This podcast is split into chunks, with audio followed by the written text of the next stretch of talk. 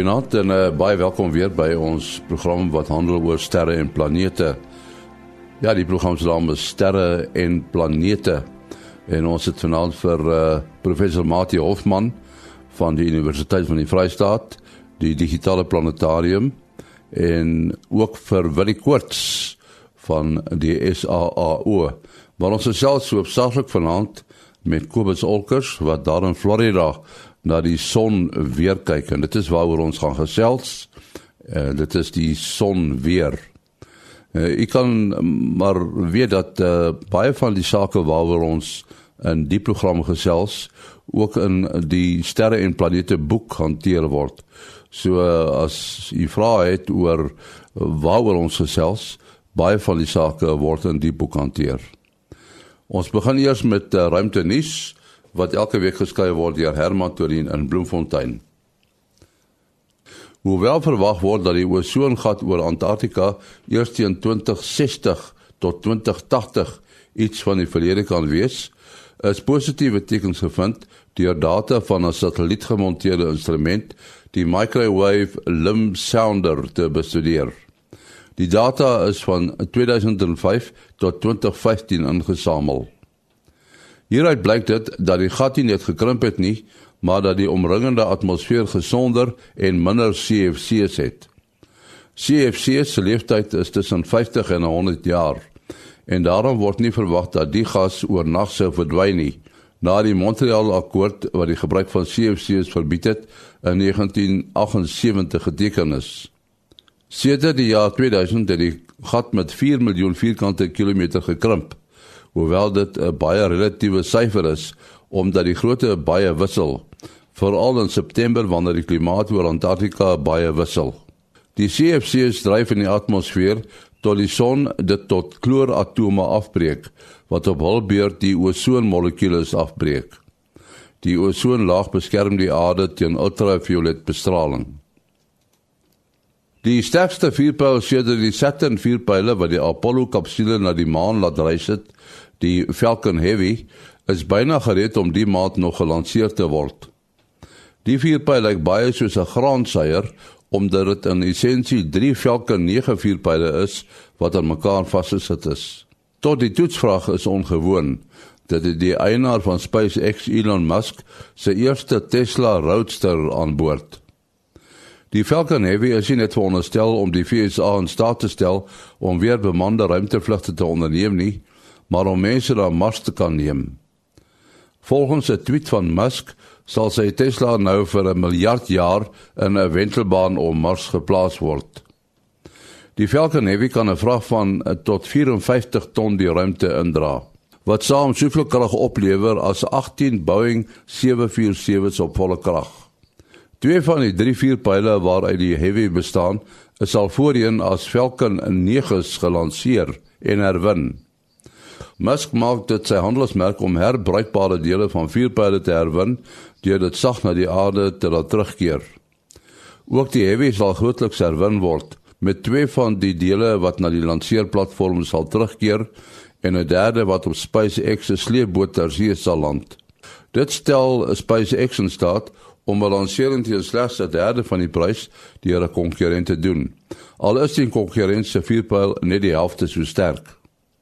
Tot sover dan ruimte nuus wat geskryf is deur Herman Torin in Bloemfontein.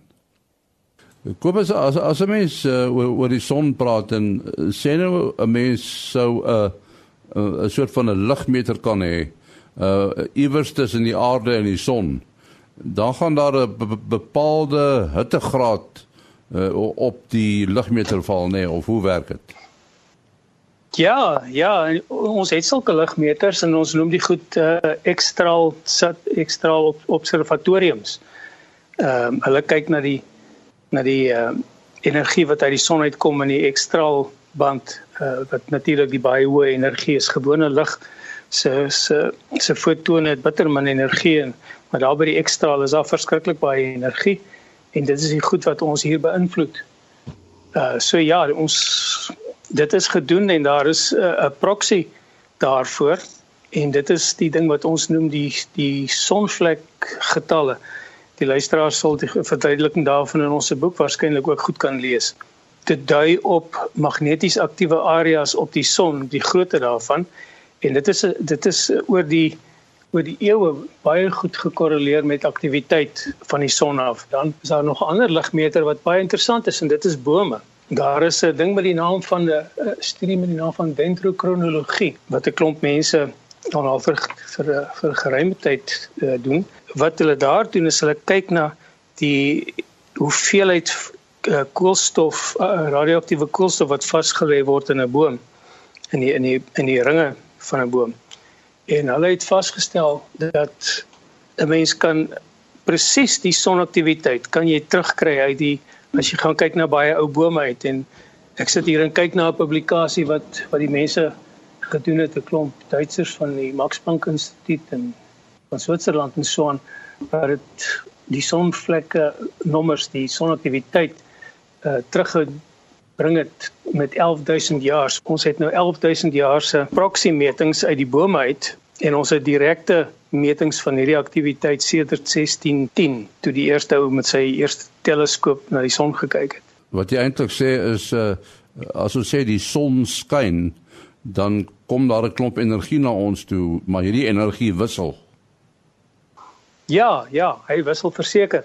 Ehm um, die een wisseling wat ons wat ons uh, baie goed van weet almal is die is die 11 jaar siklus. Ons verstaan die fisika daarvoor redelik goed. Uh, ek sê nie perfek nie, ek sê redelik goed, maar ons kan ons kan nou al met basiese fisika modelle kan ons nou al hierdie ding redelik redelik goed vasvat en die basiese oorsaak daarvoor is dat die son sy magneetpole omruil. Die son is nie 'n vaste magneet soos wat die soos wat ons aarde vir ons skyn te wees nie. Hy's ook nie 'n vaste magneet nie. Sy pole beweeg ook maar lekker rond. Maar kom ons kyk nou na 'n vaste magneet, dan het jy 'n noordpool en 'n suidpool en jy het veldlyne wat van die suidpool na die noordpool toe gaan. Maar die son se se magnetisme kom kom uit 'n vreeslike wollerige basis uit die die die die plasma in die boonste gedeelte van die son beweeg rond en dit is vreeslik warm en dit kom van onder af word dit warm gemaak en daar's vreeslik baie bewegings en al hierdie bewegings uh sit vloeibare uh gas wat wat wat so warm is dat hy dat hy rondloop plasma maak dat daar elektri elektriese velde opgewek word en dan magnetiese velde. En dit gee vir ons 'n soort van 'n netto noord en 'n netto suid van die son. Maar oor 'n periode van um, 22 jaar verander hierdie ding, beweeg hierdie noordpole nou van van bo na onder kan 'n mens maar sê en dan weer van onder na bo. En elke 11 jaar rofweg is daar 'n 'n maksimum wanneer hierdie om dit nou baie eenvoudig te stel, hierdie pole bymekaar uitkom en dan kom die noord en die suidpole bymekaar kan 'n mens nou maar sê en dan is daar baie aktiwiteit op die son en dit maak dan die groot sonvlekke wat ons sien en daar het ons die sonaktiwiteit. Kobus ek is nou so 'n bietjie nuuskierig uit die oogpunt van die geskiedenis. Uh wanneer in die geskiedenis het die mens die eerste keer agtergekom daar is iets so sonvlekke en dan so 'n bietjie in meer resente tye op watter stadium het hulle begin verstaan van die belangrikheid van magneetvelde uh op die son. Jong, ek kan nou nie daai datum so goed onthou nie. Ehm um, ek het nie die boek voor my nie. Dit staan heel bo aan die eerste hoofstuk oor ruimte weer. Om nou rowweg te sê was dit hier in 1610 rond wat die mense begin kyk het na uh, dat die son en agtergekom het daar is sonvlekke, daar is kolletjies op die son wat beweeg. Ehm um, hulle het ander goed ook gesien wat hulle filamente genoem het en ons luisteraars is nou al bewus van die feit dat filamente eintlik heeltemal ander goed is, maar hulle het gedag dit is sulke klein veertjie goed wat soos veertjies lyk. Maar die ja, eerste keer wat die mense agtergekom het dat hierdie nou regtig 'n verskil gaan maak was uh toe die Carrington gebeurtenis gebeur het hier in 18 wat ook al. Daar het die manne mooi gesien en en en hulle kon baie mooi korreleer met groot aktiwiteit op die son se oppervlak wat hulle kon waarneem met teleskope was 'n paar eh, Engelsmanne wat daarna gekyk het. Toe het hulle vir die eerste keer agtergekom dat dinge wat op die son gebeur, ons hier by die aarde kan beïnvloed want want 18 ure of 14 ure nadat die die gebeurde dinge op die son waargeneem is, het die telegrafiedrade begin vonke maak en die soort van goed hier op die aarde en ons het vreeslike noorder en suiderligte was was was omtrent oor die hele wêreld sigbaar. en in die noorde kan so ver suid as as hier in Florida en in Indië kon hulle dit sien. Die mense het toe al begin werk aan aan oorsake daarvoor en toe dit is omtrent in daai tyd wat die magnetisme ook 'n rol begin speel het. Uh Kobus jy nou nou na 1610 verwys. Uh en dit is nou net nadat Galileo in 169 in Augustus 169 het hy mos nou die eerste mens geword wat met 'n teleskoop na die sterrehemel gekyk het en dan het hy ook in uh in 1610 sover ek weet het hy uh die son begin waarneem wat altyd 'n gevaarlike ding as is uh is om te doen. Uh in die tyd voor die teleskoop was daar enige kennis van dat daar iets so sonsvlekke is of is dit net iets wat buite die vermoë van die mens was om te weet? Wel nee, daar is goed uh weer eens uh ek moet gou kyk of ek die boekie kan nader sleep. Maar daar ek het ek het daar vertel van die Chinese wat wat eeue gelede al al waarnemings gedoen het en en hierdie goed goed op die son gesien het. So hulle 'n beeld van die son deur 'n gaatjie gegooi het of het hulle nou maar 'n kans gevat en so vinnig na die son geloer en uh, was die sonvlekke dan groot genoeg om so waar te neem? Weet jy wat ek is nogal redelik seker hulle het daai gaatjie metode gebruik. Wat ek ook al gehoor het is dat ehm um, mense het gesien dit deur deur wolke. Kyk, partymal is die wolke so dat jy direk na die son kan kyk en ja. natuurlik jy kan in die sonsopkoms en sonsondergangs kan jy kan jy inkyk.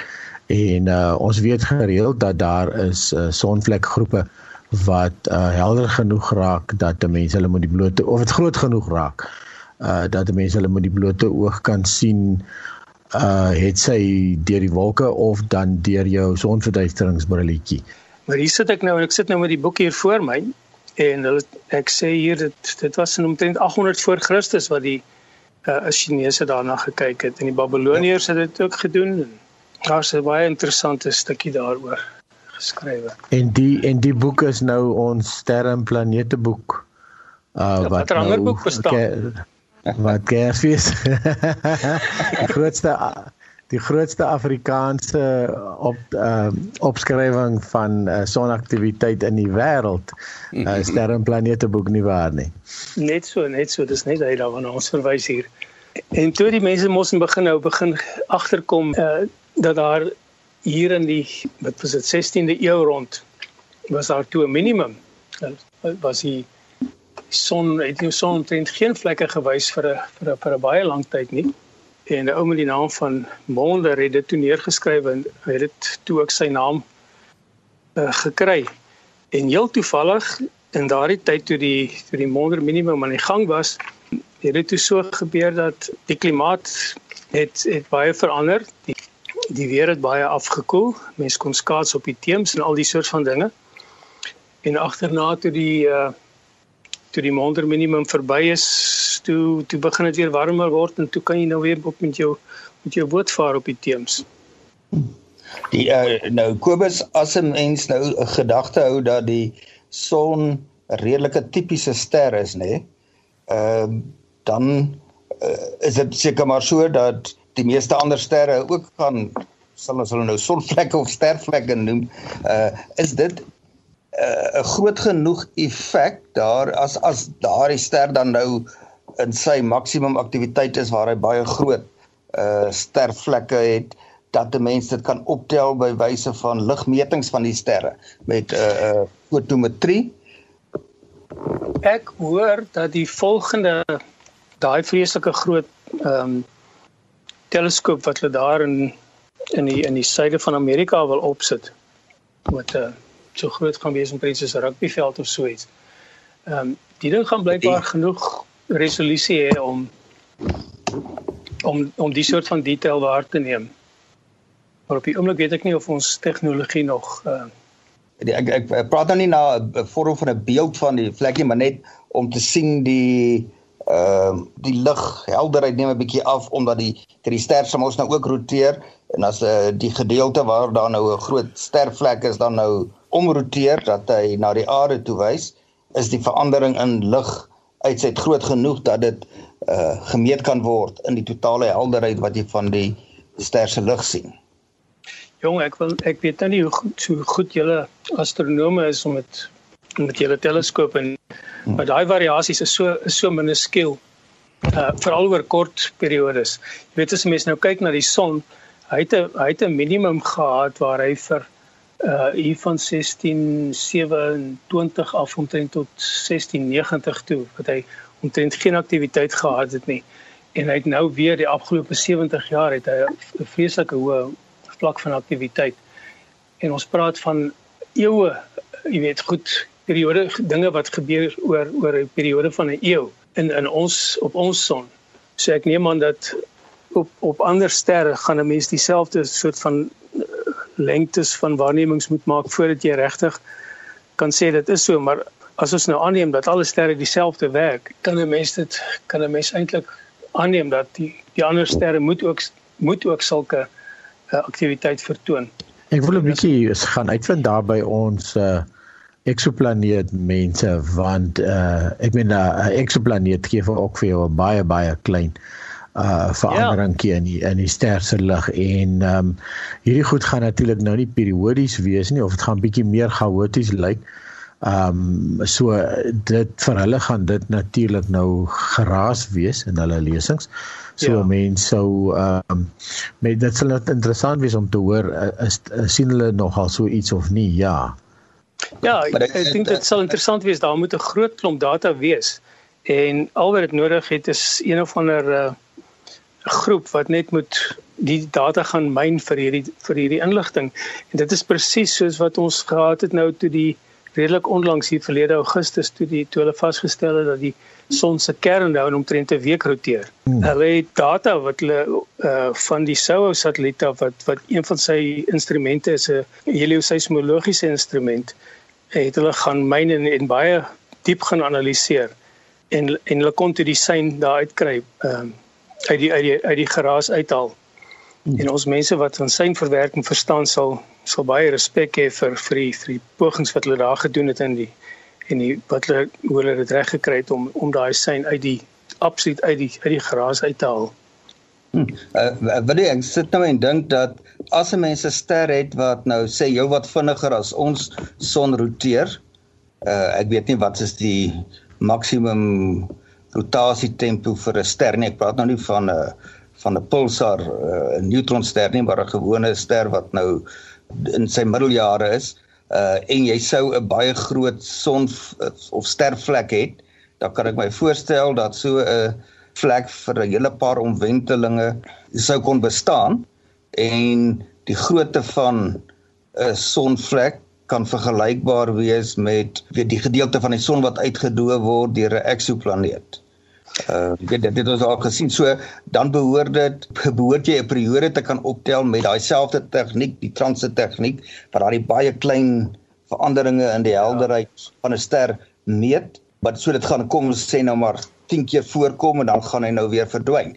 So dit klink vir my of dit moontlik kan wees, maar uh, jy sal nou gelukkig moet wees dat jy nou op daai stadium op die regte stadium uh, na daai data kyk en uh met 'n eksoplaneet gaan die grootte van die effek elke keer dieselfde wees want die grootte van die planeet bly dieselfde want in die geval van 'n 'n stervlek uh sal dit periodies kan wees maar die grootte van die effek gaan verander soos wat die grootte uh van die vlek verander.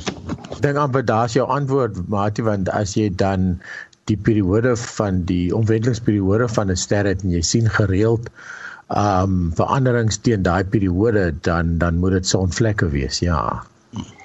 Ja mens moet net mooi gaan kyk jy weet jy kan 'n ligmeter korrel na ons son toe en dan kan jy maar gaan kyk en dan gaan jy agterkom jy gaan jy jy gaan sukkel om selfs op ons son 'n luminansie variasie te kry met ander woorde 'n verandering in die in die lig intensiteit van die son af op die frekwensies waarna ons na die son kyk waarna ons oor na die son kyk Ja, dit is waar, maar ek weet hulle hulle meet veranderinge van iets soos 0,01%. Ja. So kan baie klein veranderinge ja. meet.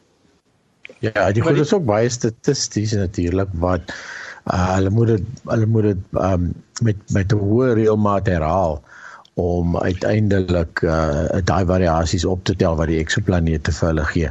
So dit is dit dit kom nie dit is nie sommer net sigbaar in die data nie. Daar's nog al 'n hele klompie verwerking agterna uh statistiese metodes wat dit uiteindelik vir hulle gee. Ja. Kom ons kom nou weer terug na ons eie son toe. dan het die ouens met na omtrent ja, daar was 'n groep by Penn State Universiteit wat uh gewerk het op die al die data wat ons wat ons gehad het tot en met 2005 omtrent. En hulle het na omtrent 2 jaar se analise van baie goeie data kon hulle eers syne uit die uit uit ons eie son se aktiwiteit uitkry. En die syne wat hulle daar gekry het is dit daar 'n rowweg 187 188 jaar siklus is. Daar is omtrent 'n 87 jaar siklus en daar is ook 'n 40 jaar siklus tussen 40 en 42 jaar afhangende van die metode wat jy gebruik. Maar as duidelik is daar is duidelike veranderinge en hierdie goed tel bymekaar soos wat mense nou as jy weet jy by die see sit dan kyk kyk hier kom die golwe aan en dan partykeer kom daar twee golwe aan en die twee kom gaan sit bo op mekaar en dan skielik het jy 'n vreeslike groot golf en skielik sit jy met nat voete. So hierdie goed tel by en tel en en en trek af. En as 'n mens nou gaan kyk op die einde van die van die uh publikasie wat die mense gemaak het, dan was hulle voorspelling dat ehm um, sonvlekaktiwiteit gaan oor die volgende 75 jaar begin afneem.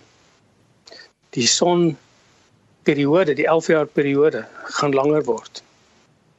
En dit alles dui, dit pas in by 'n ding waaroor jy met my gesels het nou eendag hier nie. Mm. Uh en dat dit lyk asof daar weer 'n volgende maand minimum kan gebeur. As mens teruggaan en jy gaan pleeg nou net statistiek wat nou eintlik totaal sinneloos is want dit is soos om te probeer bestuur as jy voor vooruit toe geplak is en jy bestuur en jy kyk net in jou triespeeltjie. Ehm um, jy, jy kyk net wat in die verlede gebeur het en jy probeer voorspel wat kom. Nou vir enige praktiese mense is dit sinneloos, maar baie keer is dit maar al gereedskap wat jy het. Ehm um, dan as as jy nou na die statistiek kyk wat hulle nou gebruik het oor met die gemeente waardes van sonaktiwiteit sedert 1610 af en dan die 11000 jaar voor die tyd wat hulle uh sonvlekke afgelei het uit gletseraktiwiteit en uit boom uh, ring uit dan dui dit asof die volgende maand minimum dalk weer op pad is en ek het gehoor van 'n publikasie wat nou binne die volgende paar maande gaan uitkom waar 'n groep in Engeland sê hulle het die fisika vasgevat uh, wat agter die ding sit en ek kan nie wag vir die publikasie om uit te kom dat ons uiteindelik 'n werklike 'n fisika uh, uh, verklaring kan hê van presies hoe hoe dit werk. Nou die uh, Kobus wat jy sê kom nou daarop neer dat die maande minimum dalk van daardie verskillende siklusse waarvan jy gepraat het dat hulle verskillende uh, daai verskillende siklusse se minima bymekaar gekom het in daai tydperk soos jy nou Ja, dit is presies presies die punt. Daar slaan jy ons die spyker op die kop. So. Die nou net as ons nou praat van die aktiwiteit van die son en ons dink aan die die lig wat van die son afkom, jy het nou nou verwys na die die ekstra lig wat baie meer energiek is. So ons weet dat enige ligbron uh, se lig het 'n het 'n spektrum uh wat tot 'n as dit 'n termiese bron is en ons kan tot 'n groot mate die sterre as 'n weet 'n swart liggaamstraler wat daardie swart liggaamstralingsprofiel het uh, beskou in die aktiwiteit van die uh van die ster of dan in ons spesifieke geval die son word al die verskillende golflengtes in dieselfde mate beïnvloed ehm um, in die verandering in van die son se aktiwiteit. Ehm um, of kan dit wees dat sê nou maar die nee. ekstrale meer beïnvloed word as die sigbare lig of die ultraviolet of wat ook al die die gebeurtenisse as mense nou gaan kyk wat presies fisies op die son gebeur dan sal jy agterkom dat uh, daar is 'n algemene kom ons sê nou maar hy's 'n algemene ligbron by by ons frekwensies wat ons ook kan sien en as ons nou kan fyn kyk na die son sonder om ons oë te verbrand uh, dan kan ons agterkom daar is klein variasietjies, daar is goedjies wat heeltyd ehm um, uh, verskyn. Dis soos 'n selletjies wat opkook uit die son uit en dan gaan hy weer af en dan kom hy weer op en dan gaan hy weer af. Ehm um, dan kan 'n mens die goed raak sien, maar as jy nou oor die algemeen kyk dan sien jy sien daai luminansie, daai ligintensiteit uh, varieer baie min. Nou gaan kyk ons wat gebeur by 'n by 'n magnetie baie baie komplekse magnetiese area op die son. Ons het 'n klomp plasma en ons kan onsself nie daai hoeveelhede plasma indink nie. Ons praat van goed wat 70 80 groter keer groter as die aarde is. Volumes van plasma wat daar opgekook word deur magnetiese velde wat so sterk is dat ons nie daaraan kan dink nie. En dan as dit baie aktief is dan breek daai ding af. En wanneer hy afbreek, dan is hy soos 'n rek wat jy so pas gebreek het. Nou enige iemand is nou welkom om so so rubber rekkie te neem en om te rek en te voel hoe voel hoe voel dit wat maak in jou vingers as daai ding breek. Dis 'n ongelooflike klomp energie wat daar loskom. En daardie energie wat daar loskom kom spesifiek in die ek, in 'n band wat begin by die ekstreme ultraviolet tot by ekstrale kom dit los. OK. Uh, maar dis is baie hoë energie. Ja. So maar dit sal sê is nie termiese straling. Wel, dis fotone wat dit wat dit hiernatoe bring. Straling is maar straling. Jy weet 'n foton een foton is maar net soos ander een. Die die energie in hom verskil net. As dit 'n lae energie foton is, is dit is dit rooi lig en as dit 'n hoë energie foton is, is dit blou lig of ultraviolet lig of ekstrale. Ja, maar wat ek bedoel is as jy nou daardie die lig wat van daai uh, stukkie afkom wat dan hoofsaaklik ekstrale het, as jy die profiel daarvan deur 'n uh, spektrometer sou sou ontleed.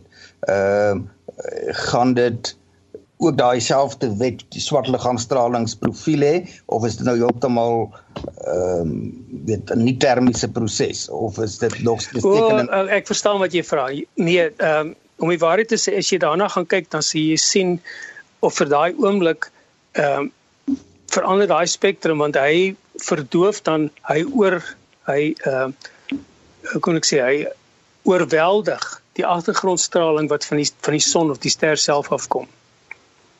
So die die die die hoeveelheid ekstraal energie of ultraviolet energie wat daar van van so aktiewe gebeeld beeld afkom.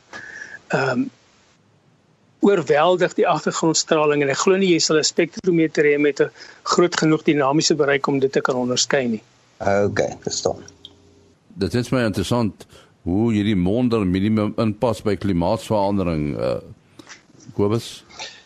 Wel, jy weet uh dit is iets wat wat die mense wat die alhoewel dit nou deesdae die mode is dat mense praat nie oor enigiets anders as as as menslike oorsake vir klimaatsverandering nie. Ehm uh, kan 'n mens nie die, die geskiedenis verander nie. Die monder minimum bly die monder minimum. Daar was laas sonvlekke en daar was 'n yskoue tyd. En as 'n mens nou kyk, as die luisteraars is welkom om in Nature te gaan lees. Daar was 'n publikasie gewees uh, wat die mense sê en die ek ek lees nou uit hierdie kerel se se inleiding en hy sê hier ek gaan dit maar in Afrikaans vertaal. Die vlak van sonaktiwiteit deur die uh, afgelope 70 jaar is die woord wat hy gebruik is exceptional. En soos hy sê die vorige periode waar daar dieselfde uh hoogte van aktiwiteit of intensiteit van aktiwiteit was as meer as 8000 jaar gelede. Hmm, en dit pas ook weer in met 'n vorige klimaatsverandering. Ehm um, ek dink 'n mens is dom as strand as jy uh as jy die die feite wat absoluut ooglopend is ignoreer. Daar sê ons moet ongelukkig uh, afsluit daar 'n uh, ding wat ons ook nie kan ignoreer nie is die klok. Kobus, ja. uh, kan ons hoor wat is jou besonderhede? Jong, ek kan my maar weer stuur na kobusolkers@gmail.com toe, k o b u s o l c k e r s by gmail.com. Daar sê en uh, laat ons hoor Willie. Ja, mense kan bel SMS of WhatsApp 072 4579208. 072 4579208. En dan Mati 082 0836257154 0836257154 En my uh, e-posadres is gewoonlik maas.henny@gmail.com. maas.henny@gmail.com. Ons is volgende week terug. Tot dan. Mooi loop.